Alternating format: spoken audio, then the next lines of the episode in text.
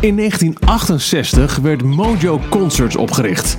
150 shows per jaar. Van Avas Live to Paradiso, van Oosterpoort tot Ziggo Dome. 1 miljoen mensen per jaar kopen een kaartje voor een show georganiseerd door Mojo. Bij al die shows en festivals draait het altijd om de band tussen jou, de bezoeker en de optredende artiest. Maar nooit hoor je het verhaal van de mensen achter de schermen. De mensen die ervoor zorgen dat die artiest naar Nederland komt, dat daar een podium staat en dat jij een kaartje kunt kopen. Wat doen zij? Hoe komt een show, een festival tot stand? Dat hoor je in deze podcastserie. De mensen van Mojo Concerts, de mensen achter de schermen, de mensen die ervoor zorgen dat jij naar een concert kunt gaan, komen aan het woord. Welkom bij 50 jaar Mojo.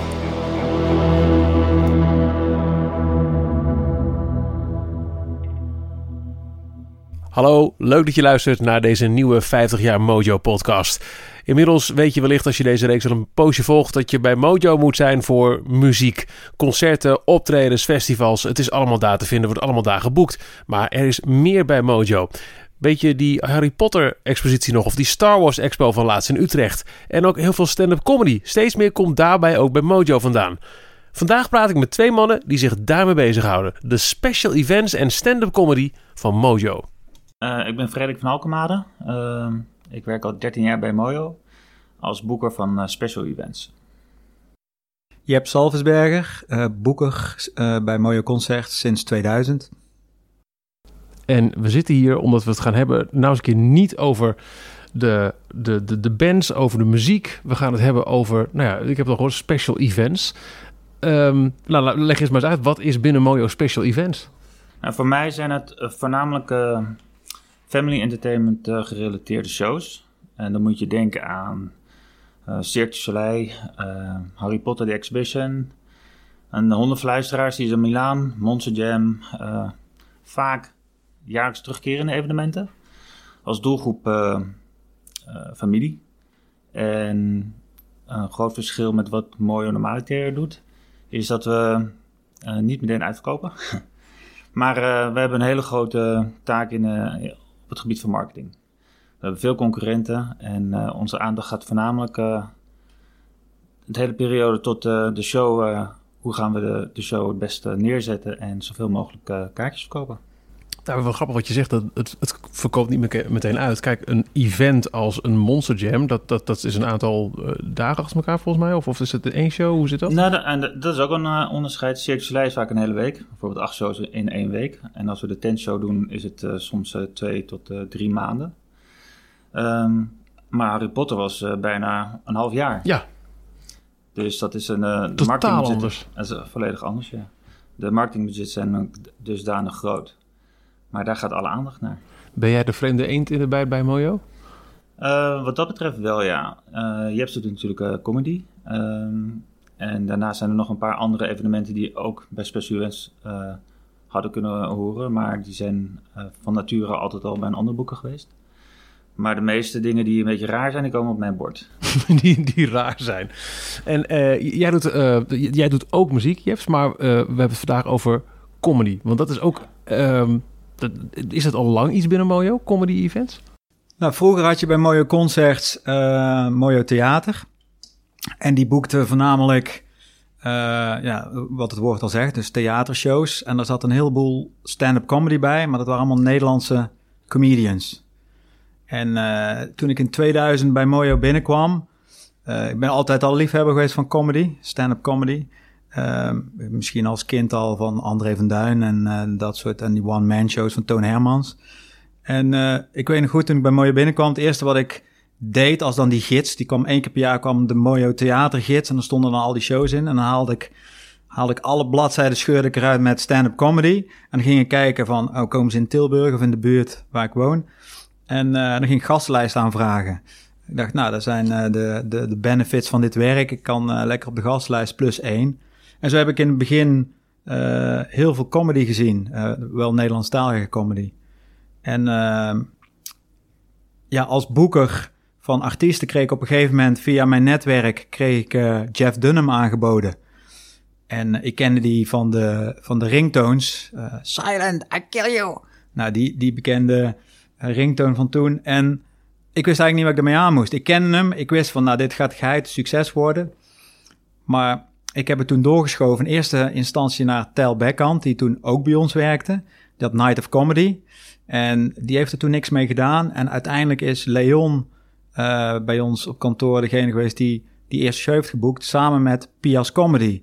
En Pias bracht toen uh, de dvd's uit. Die deden de ringtones. Die deden eigenlijk alles uh, met die internationale comedy. En ja, daar is eigenlijk het zaadje gelegd voor de samenwerking tussen Mojo en Pias Comedy. En sindsdien doen we eigenlijk al die comedy shows samen. Uh, maar ik denk dat Jeff Dunham de eerste internationale artiest was voor ons. Ja, waar we echt een voet tussen de deur kregen, zeg maar, binnen de Nederlandse markt.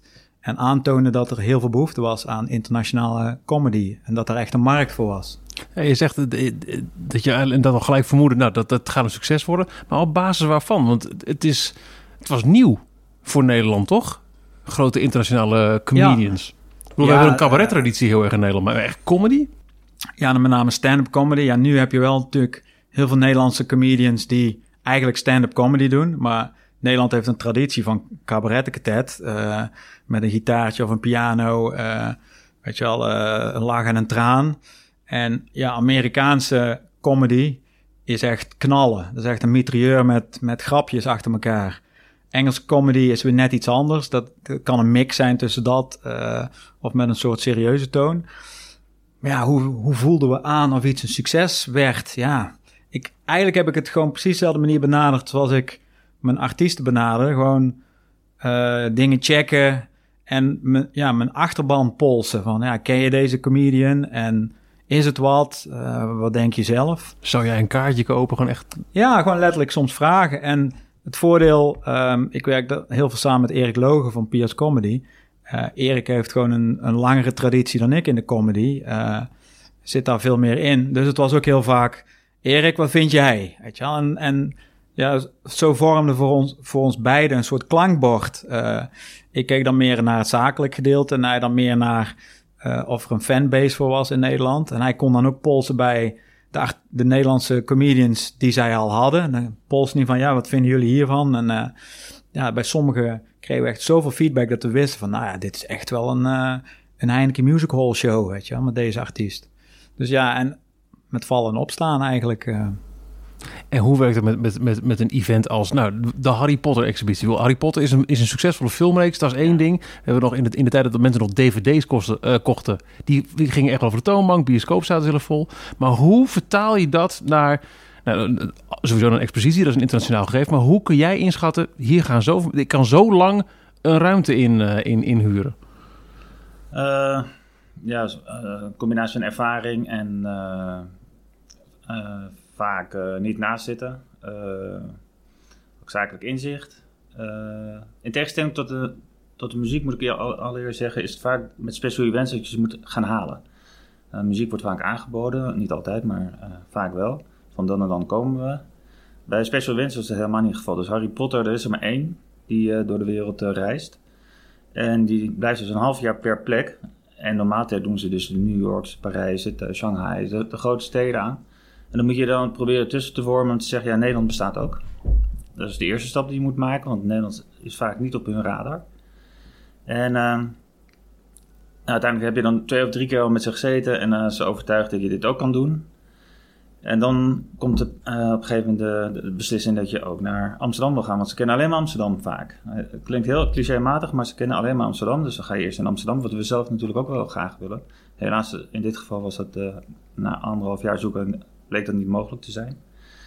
Toen hebben we uiteindelijk eh, besloten om een tent neer te zetten naast uh, in Utrecht. En toen was mijn uitdaging meer van uh, hoe ga ik het verkopen dat we in Amsterdam zitten. Toen hebben we de slimme truc uh, verzonnen dat we in Amsterdam Leidse Rijn gaan. En dat was maar 10 mijl van Amsterdam. Dus in Amerikaanse termen is dat heel weinig. Dus toen waren ze snel overtuigd van oké prima en de financiën zagen er goed uit. En ja, ik heb hem zelf drie keer gezien. Ik ben zelf een Harry Potter fan ook. Ik heb alle boeken gelezen, alle films meerdere malen gezien.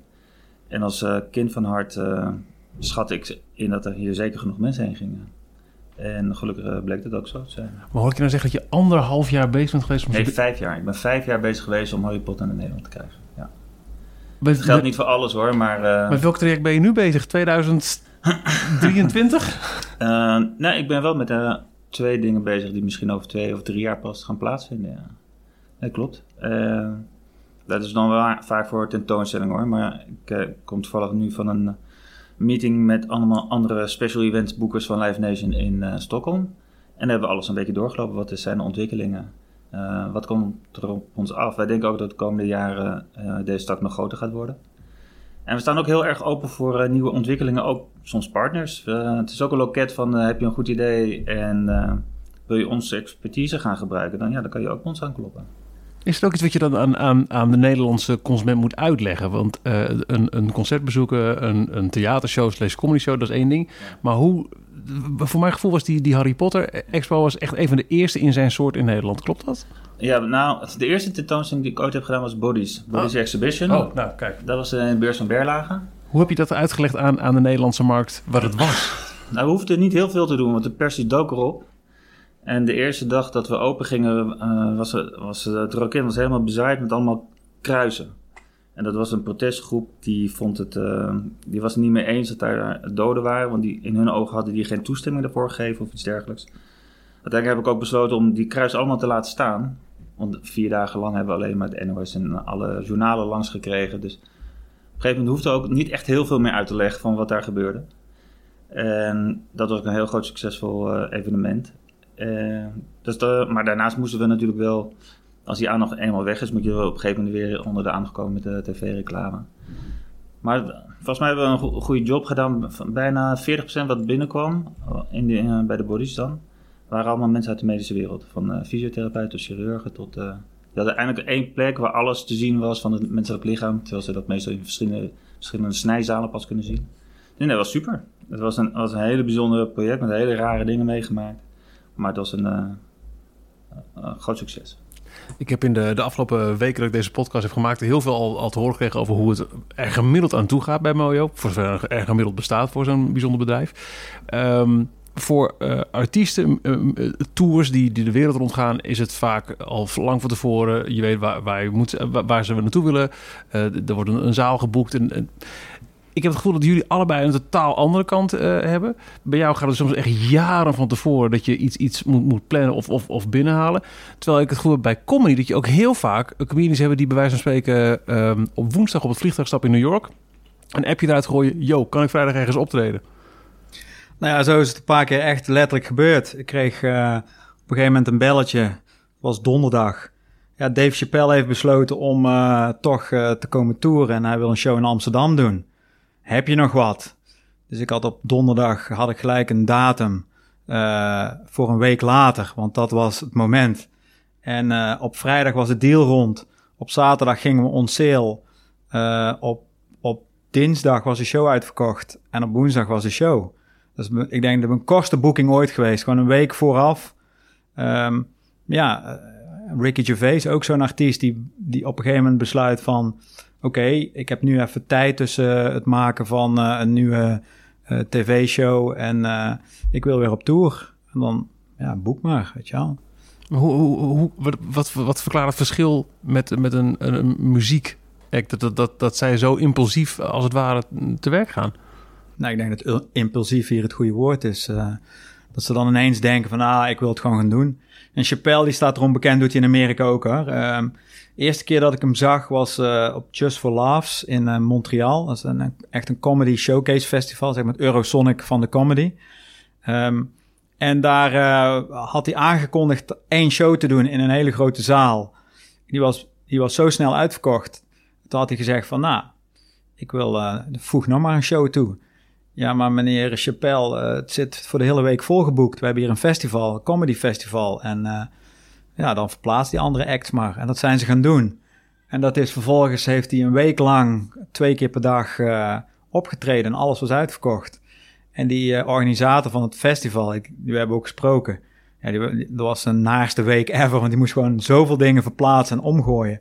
Maar het is wel gelukt. En ja, we zijn bij een van die shows toen bij geweest zijn we bij Dave Chappelle in de kleedkamer geweest. En uh, begonnen we over Amsterdam en zei, ah, I love to come to Amsterdam. Heeft vervolgens nog best wel een tijd geduurd. En ineens kwam dat belletje van, nou, hij wil volgende week optreden. Regel maar iets, weet je wel. Dus ja, impulsief is wel uh, het juiste woord uh, in deze. Hebben comedians net zo'n voorliefde voor Amsterdam als de organisatoren van grote beurzen? Ja, iedereen kent Amsterdam. We moeten ook heel vaak tegen comedians zeggen: maak alsjeblieft geen grappen over drugs en prostituees en windmolens in Nederland. Want die hebben we al zo vaak gehoord. En dan, ja, de echte goede creatieve comedians gaan zich dan echt, die gaan dan een hele middag gewoon in Amsterdam rondhangen. En dan komen de grappen over, uh, uh, ja, over andere dingen, zeg maar. Dan, of juist vanuit een totaal andere hoek hebben ze dan over prostitutie of over drugs. Uh, ja, en dan wordt het gewoon wel geinig. Dat is ook wel bijzonder. Dat jij, dat kan me niet zo goed voorstellen bij de muziektak. Dat je echt invloed kunt uitoefenen. Of dat je zegt, als advies geeft van, op, op het repertoire van de artiest die je boekt. Ja, maar alleen als het vragen. Ik krijg ook heel vaak een lijstje van, ja, dit wil ik in het Nederlands kunnen zeggen. Dat gebeurt bij artiesten ook wel eens, maar bij comedians, die vinden het leuk om dan uh, in hun show hebben ze dan bijvoorbeeld hebben ze het over uh, rechtse politiek en dan willen ze de Nederlandse variant weten. Nou, komt een Geert Wilders of zo, komt dan, uh, wordt dan genoemd. En dan ja, willen ze echt weten hoe ze het moeten uitspreken. En dan schrijven ze alles fonetisch op en dat zitten ze voor de show zelf uh, ja, in hun kop te stampen. Dat zijn de echte, ja, vind ik altijd de toppers die echt gewoon per land gewoon een show zeg maar aanpassen. Nou, uh, ik had er wel eens van gehoord, maar het kwartje valt net als je zegt uh, Just for Laughs. Dus eigenlijk een, een, een, een Eurosonic en South Southwest, maar dan voor comedy. Bestaat er ook zoiets voor, uh, voor, voor expos, voor, voor Monster Jam, voor Sick dus voor family events? Heb je daar ook uh, grote plekken waar ze zich allemaal presenteren? Nee, dat is vaak een combinatie. Dus voor Circus Leiden die komen dan bij een congres in Londen ook. Dat is IMC, dat is één keer per jaar. maar voor tentoonstellingen moet je vaak naar congressen voor musea. En die zijn normaal uit Amerika. En, maar Cesar Milan die is dan via de normale weg binnengekomen. Monster, daar moest je echt gaan eh, zoeken. Moet je, uh, Walking with Dinosaurs uh, op een gegeven moment in een krantje dat er een dinosaurus of zo zou komen. Toen ben ik met een collega naar Boston gegaan om daar te zien. En ja, die show was waanzinnig. Ik dacht, dit gaat een groot succes worden in Nederland. En toen zo snel mogelijk met de agent contact opgenomen. In dit geval was de producer direct. En ehm, en zo eh, aan de praat gekomen en uh, alles aangenomen om het ook naar Nederland te krijgen. Ik kan me voorstellen dat in, in jouw tak van sport je zo, je, je moet het echt zien. Kijk, ja, een comedian, je kunt, bij wijze spreken kun je op YouTube kijken naar, naar het repertoire. Ja. Uh, muziek spreek ook voor zich, maar wat jij nu net zegt, nou, er komt een dinosaurus show, we vliegen naar Boston. Je had ook bij een schoolvoorstelling uh, terecht kunnen komen, nou, bij wijze van spreken. Ik zie heel veel shows die daar eerder op lijken dan op uh, wat er op het filmpje wat ik per internet heb gekregen uitziet. Nee, dat klopt. Ik moet het wel zien, ook, om, ook met het oog dat de meeste shows als je eenmaal hebt gedaan en het is succes, dan gaan ze volgend jaar gaan ze weer komen. En dan moet je ook zeker weten dat je die tweede keer kan deliveren. Ja. Um, dus ja, Walking with Dinosaurs was, was meteen perfect. Maar er zijn ook shows die ik heb gezien uh, meteen van... sorry, dit is niet up to par. Of dat is niet onze... Het is een theatershow, dus uh, onder de 400, 500 stoelen. Uh, in principe doe ik dat niet. Dus uh, je kijkt naar kwaliteit, je kijkt naar uh, in hoeverre ze betrouwbaar zijn, uh, of de deal er goed uitziet en of de doelgroep groot genoeg is. En ook of ik de doelgroep ook goed ken. En als ik ze niet ken, ook genoeg expertise in huis kan halen om eventueel het toch te kunnen benaderen. Ik dacht, ik dacht dat een kookprogramma was Walking with Dinosaurs. Daar hebben ze wel hele grote pannen. ja. De catering was heel duur. ja, precies. Dat een show of een expo in het buitenland een succes is, betekent niet per se dat het in Nederland ook werkt. Elk land heeft zo zijn eigen smaak. Nou, het, kan zijn tot een stierengevecht waar die Amerikanen van houden. Ja, niet aan dingen om naar Nederland te halen. Uh, ik heb, ik heb American football gezien met vrouwen. Dat was echt gênant. Om, uh, ik werd gevraagd om te komen kijken. En kennelijk werden die, die, dames zijn ongelooflijk goed in Amerikaanse voetbal. Maar kennelijk hadden ze te weinig publiek. En toen hebben ze, een slimme promotor heeft toen besloten, weet je wat, we gaan ze allemaal in een bikini laten spelen. Gênant voor woorden, dus het was echt... Ze speelden waanzinnig, maar uiteindelijk gingen al die camera's, beelden gingen naar iets anders dan naar de, de voetbal. Dus dat soort shows moet ik ook, uh, zie ik ook. ja. Mazzelpik, hè? maar dan zie je toch ook zoals aan het begin van de avond dat je al denkt, oh, dit was een heel lange avond. Uh, ja, Normaal wil je meteen weglopen, maar dat wil je ook niet doen met uh, de man die naast je zit, die uh, alleen maar in je oor zit te fluisteren dat het een uh, gigasucces gaat worden in, in Holland. Dus ehm, Maar uiteindelijk neem je beleefd afscheid en dan... we bellen nog. We bellen nog. Hoe is het met, met, met stand-up comedy? Zijn er, um, los van de taalbarrière, dat is, kennelijk is dat geen probleem in Nederland. Nee, Nederlanders uh, staan erom bekend in Europa dat ze een van de best sprekende, of Engels sprekende uh, landen zijn. En je ziet dus ook een, een tour. Het begint wel steeds uitgebreider te worden, het aantal landen. Maar in het begin was het Engeland, Nederland, België en Scandinavische landen. Duitsland, Frankrijk, Spanje. Daar wordt zeg maar alles op tv over, overgedubt. Wij hebben allemaal subtitels. Dus we, uh, in Nederland wordt zeg maar de comedy special gerespecteerd en wordt gewoon vertaald. En in die landen is het, uh, ja, krijg je gewoon een soort Duitse... er is ook een heel grappige dvd van Jeff Dunham waar je dus al die stemmetjes uh, kan kiezen, zeg maar, in allerlei talen. Hebben ze allemaal speciaal voor de dvd toen overgedubt. Maar dat is nu aan het veranderen, zeg maar. Omdat natuurlijk in heel veel landen zitten ook allemaal expats en die wel naar die shows komen. Um, maar ja, sommige dingen vertalen zich gewoon niet naar de Nederlandse markt. Als bijvoorbeeld comedy te lokaal politiek wordt. Dus bijvoorbeeld uh, als een Amerikaanse comedian het voornamelijk heeft over de Amerikaanse politiek. Ja, dan snappen wij dat hier niet. Dat is te ver van ons bedshow. Uh. Dus het is altijd wel, ja, je moet het wel vertalen. En, dan, daarom is zo'n Just for Laughs festival is gewoon heel erg tof.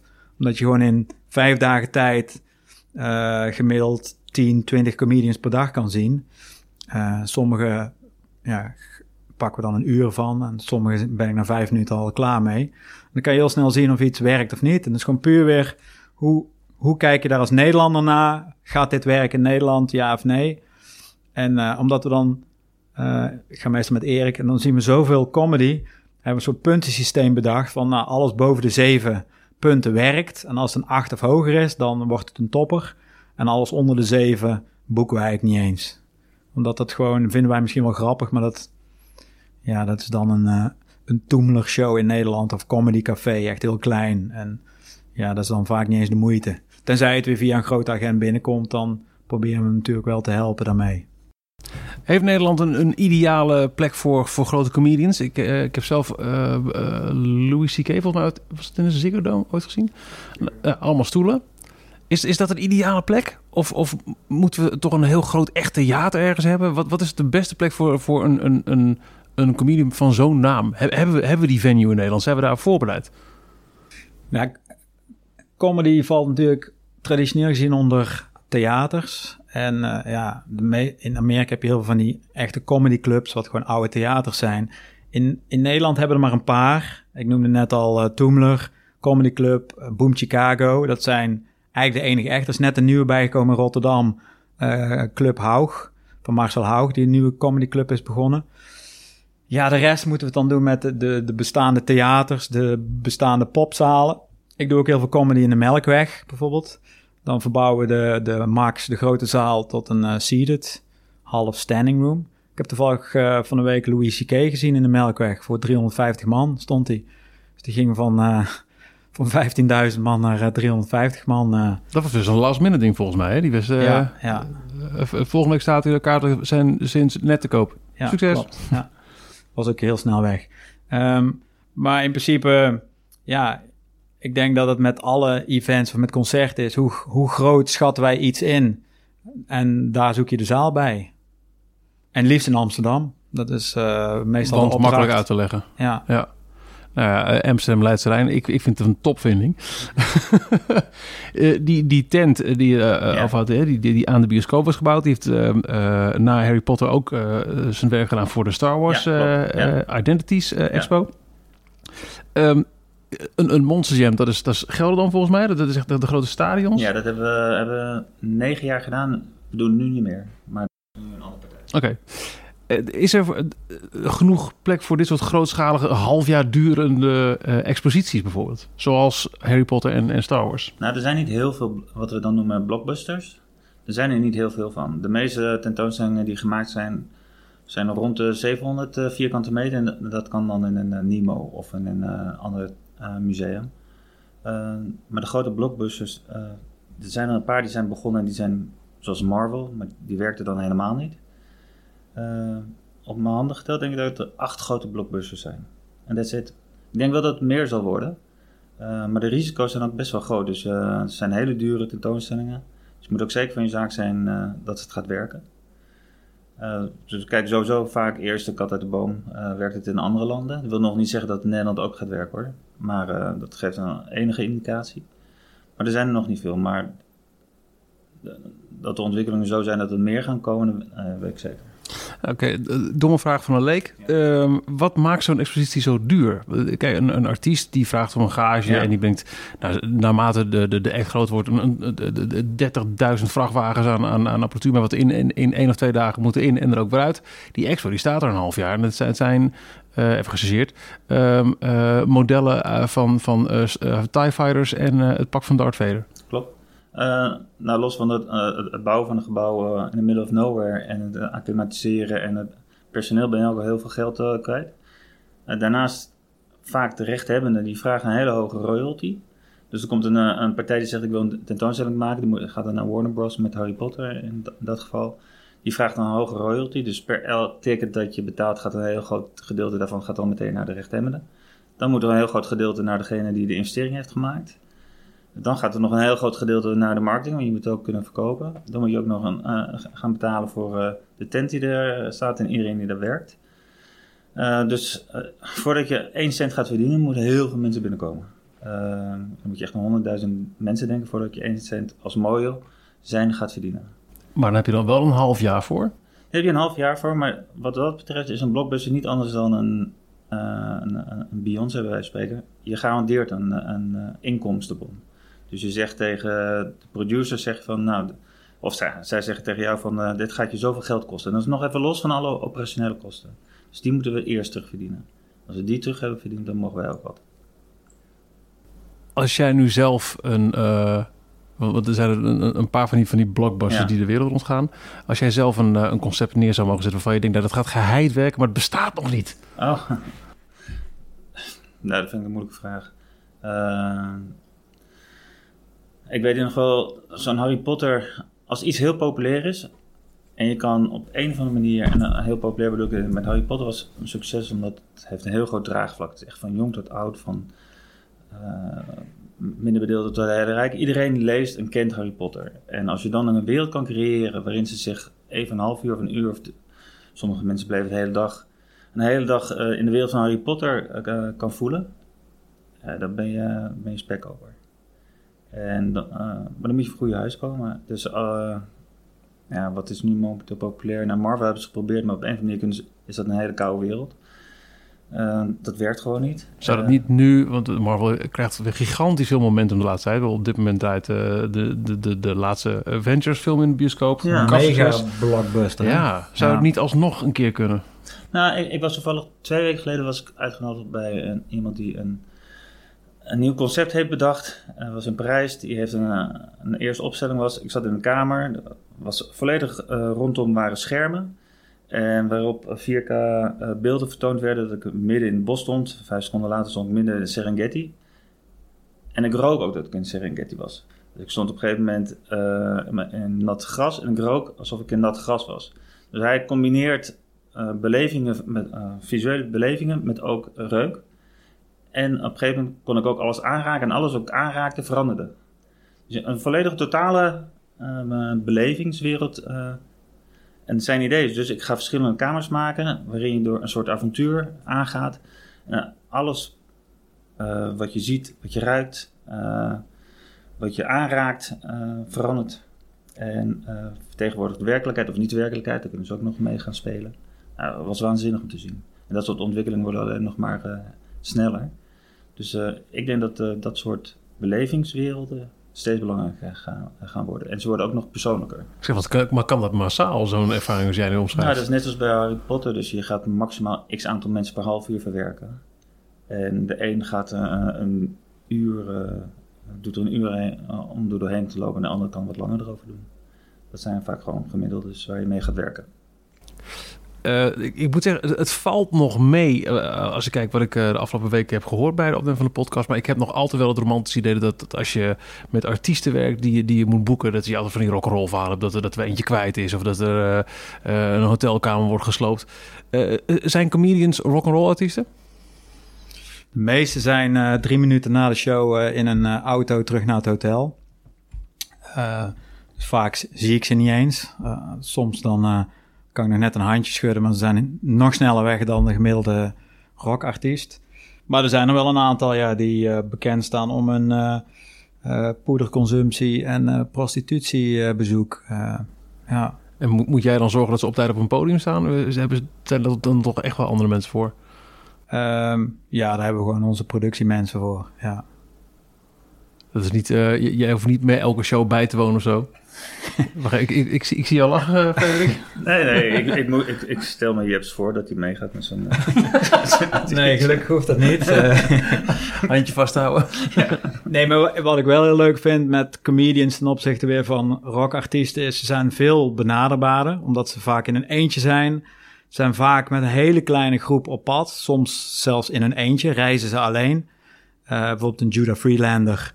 Uh, die vindt het ideaal om gewoon met een trein overal naartoe te gaan. En uh, moet je gewoon zorgen dat je op tijd op het station hem oppikt. En dan een routebeschrijving uitprinten van ja, dan en dan, dan moet je daar overstappen en enzovoorts.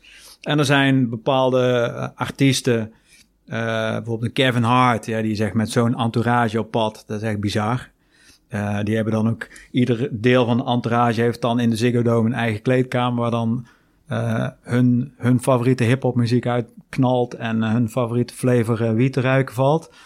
Maar ik vind het vooral leuk om met die comedians na afloop te gaan zitten en de show door te nemen en verhalen aan te horen. Dat is gewoon soms heel gezellig en dat is veel gemoedelijker dan met, met rockartiesten of met hip-hop artiesten.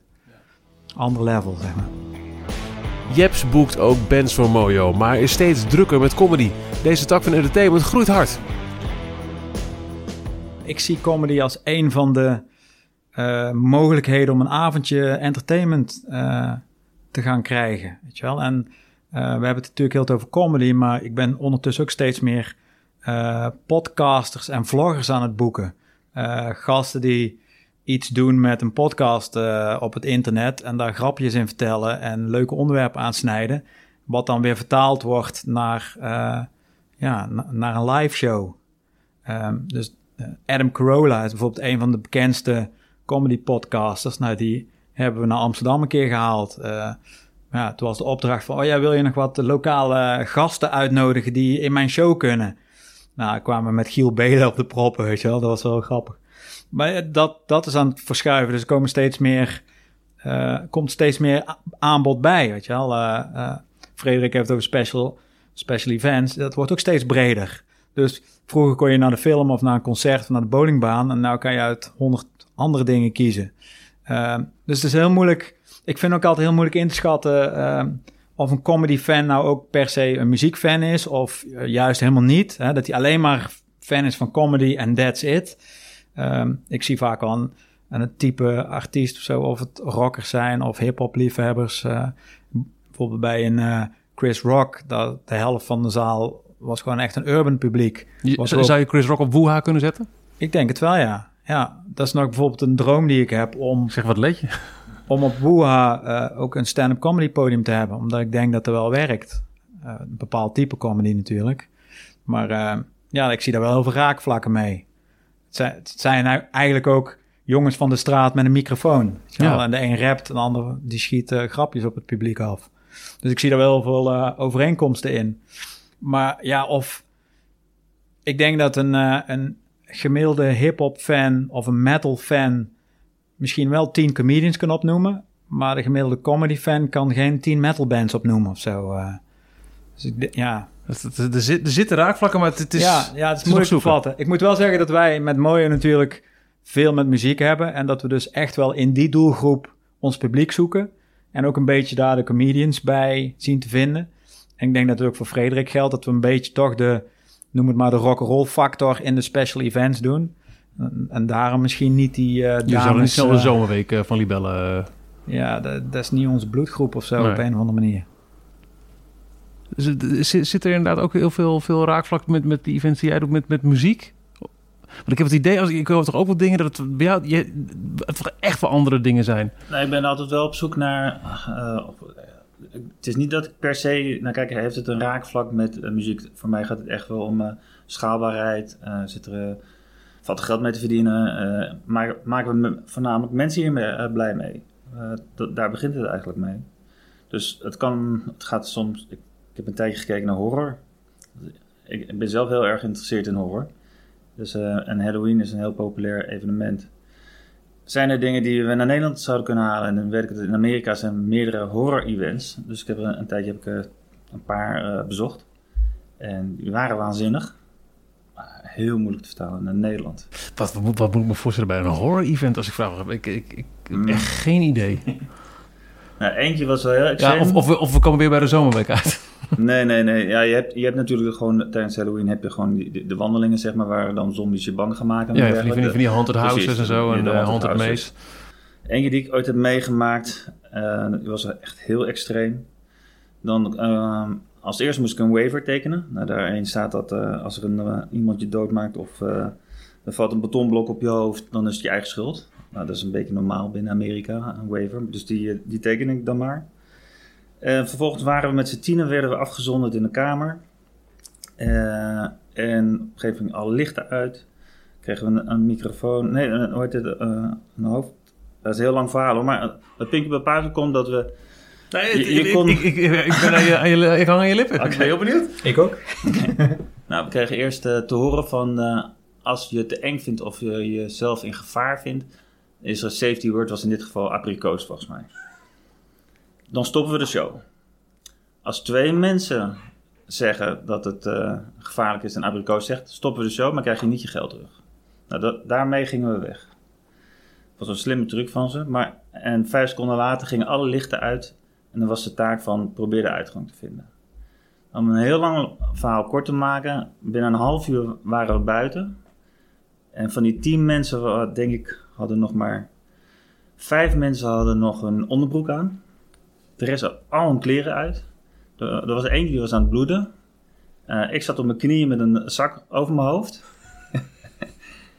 en in die, uh, wat was het, zes of zeven kamers zijn allemaal dingen gebeurd.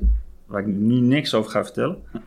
maar uiteindelijk die wel resulteerden dat we echt een hele rare scène terecht waren gekomen als eindstation. En we keken elkaar allemaal aan. We trekten allemaal heel snel onze kleren aan. We, we waren meteen verdwenen. En toen dacht je, kan ik dit marketen? Ik heb echt serieus gekeken, want ik vond het echt waanzinnig gaaf. Ja, nee, het was een... Eh, Klinkt als een, gangrape. Uh. Ja, ja. Nee, maar dat, dat, was dus niet gebeurd. Wat was het dat jij je geld voor zou betalen de, de, of zou je het geld afpakken? nee, de truc was dat ze met angst en met groepsdruk en met rare situaties ervoor konden zorgen dat mensen volledig uit het element waren geraakt. En allemaal dingen gingen doen die ze normaal nooit zouden hebben gedaan. En dat, dat idee dat je via een, een, eh, een experience mensen kan laten doen, is voor mij, los van het interessante wat het met je doet, maar dat het ook een soort, uh, je een beetje aan het, denken zet van wat voor kleine tweaks er in, eh, in een woord of in een, in een groepsdruk of in een uh, beleving, wat voor tweaks je, kleine tweaks je maar nodig hebt om dingen te, te doen of te denken, die je dan volledig uit je element halen en dingen laat doen die waar je achteraf echt, nou dat zou ik echt nooit gedaan hebben. En uiteindelijk dat toch doet dit zou je niet nu, denk je, in Nederland ik kunnen heb, nee, ik, heb heel erg serieus gekeken om het naar Nederland te krijgen. Alleen ik denk dat ik in de Nederlandse regelgeving en wetgeving daar uh, problemen zou krijgen. Ik heb uh, ook met iemand binnen Mooie gesproken over vergunningen. Kan ik hier überhaupt een vergunning voor krijgen? Um, nou, lang, het duurde zo lang. En uiteindelijk heb ik wel heel veel acteurs nodig. Want er zitten ook, in al die kamers zitten allemaal acteurs die in, een rol zitten.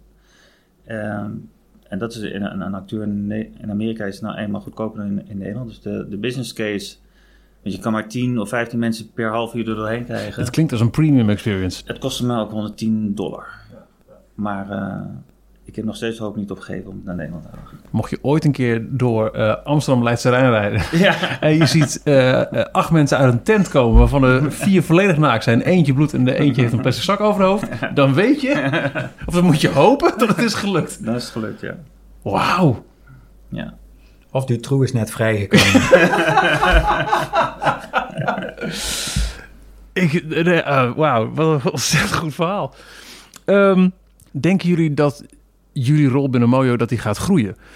volgens mij, ik heb het idee dat mensen steeds meer geld kunnen besteden aan vrije tijd, aan, aan bijzondere ervaringen, aan, aan events, aan, aan nou, ook premium experiences.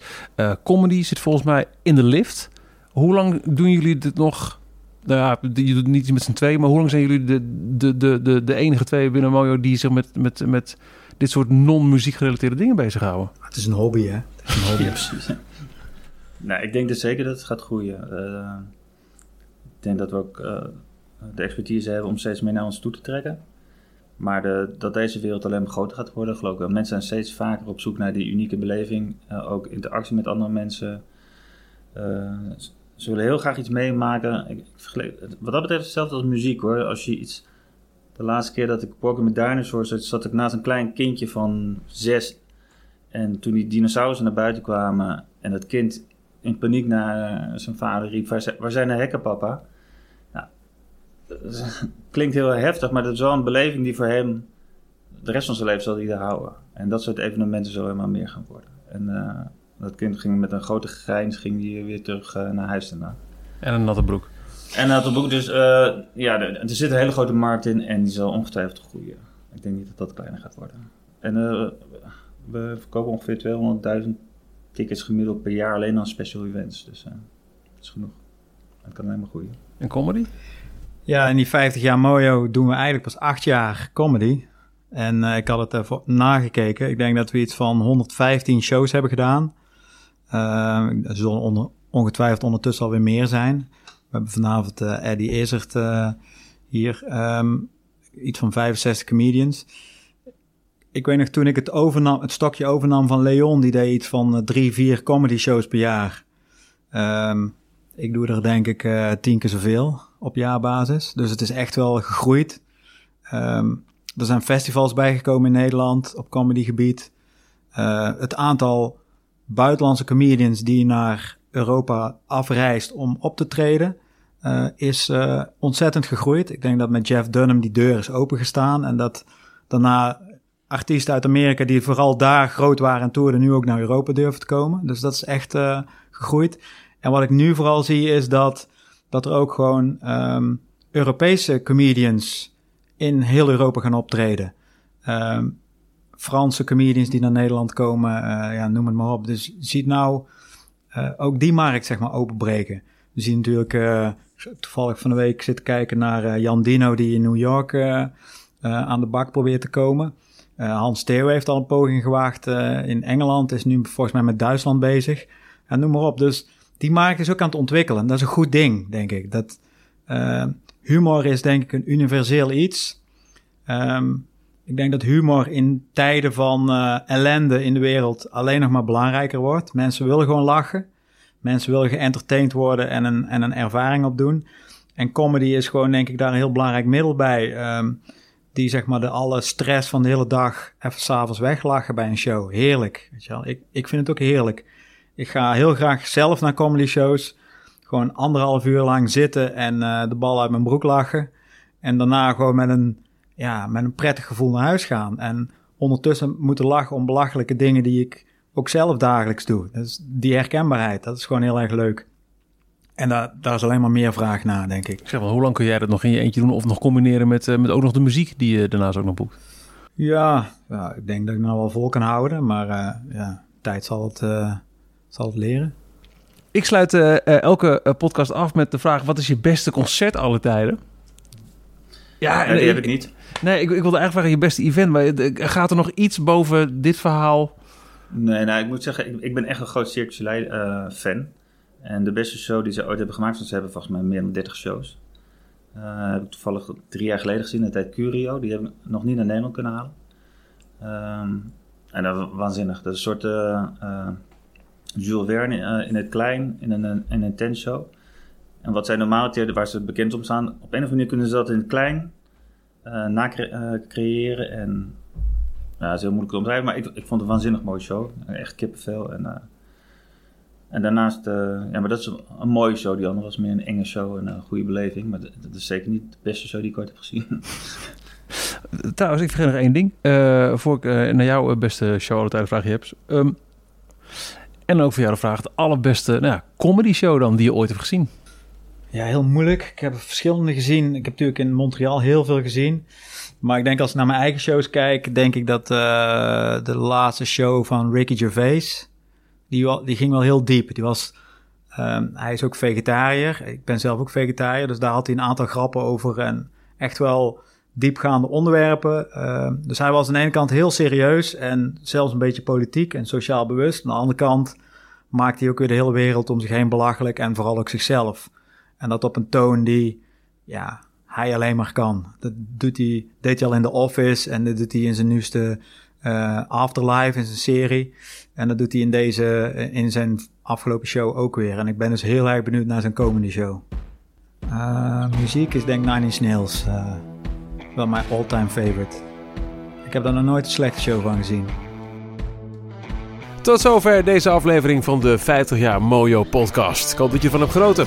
Elke twee weken is er een nieuwe met telkens aan het woord kopstukken van of mensen achter de schermen bij Mojo Concerts. Niks missen? Dan abonneer je op deze podcast via je favoriete podcast app of volg hem op Spotify. Graag tot de volgende.